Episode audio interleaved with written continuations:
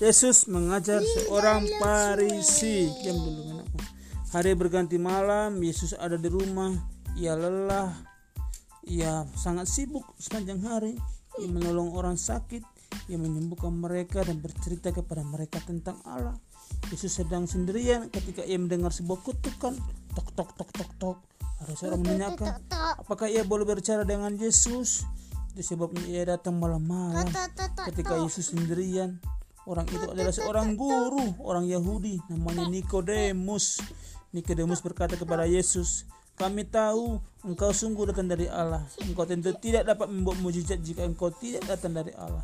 Yesus menyaut, "Jika engkau ingin melihat kerajaan Allah, maka engkau harus lahir kembali." Nikodemus bertanya, "Bagaimana aku dapat lahir kembali? Apakah seorang yang sudah tua dapat lahir kembali?" Jawab Yesus, "Engkau harus lahir dari Roh Kudus. Engkau harus menjadi anak Allah." Nikodemus tidak tahu bagaimana menjadi anak Allah. Ia mengajukan banyak pertanyaan kepada Yesus. Yesus bertanya kepadanya, "Apakah engkau tahu cerita ular di gurun pasir?" Ya, Nikodemus tahu cerita itu. Dahulu kala orang Israel berada di gurun pasir, sana mereka berbuat dosa kepada Allah. Lalu Allah mengirim, mengirim ular.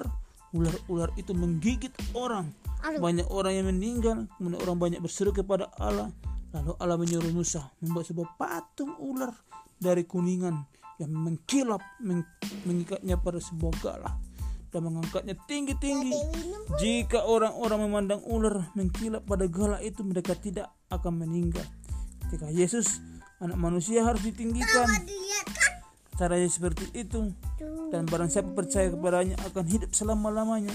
Karena begitu besar kasih Allah akan dunia ini, sehingga ia telah mengaruniakan anaknya yang tunggal, supaya setiap orang yang percaya kepadanya tidak binasa melainkan beroleh hidup yang kekal. Lama sekali Yesus dan Nikodemus bercakap-cakap, lalu Nikodemus pulang. Nikodemus merenungkan perkataan Yesus.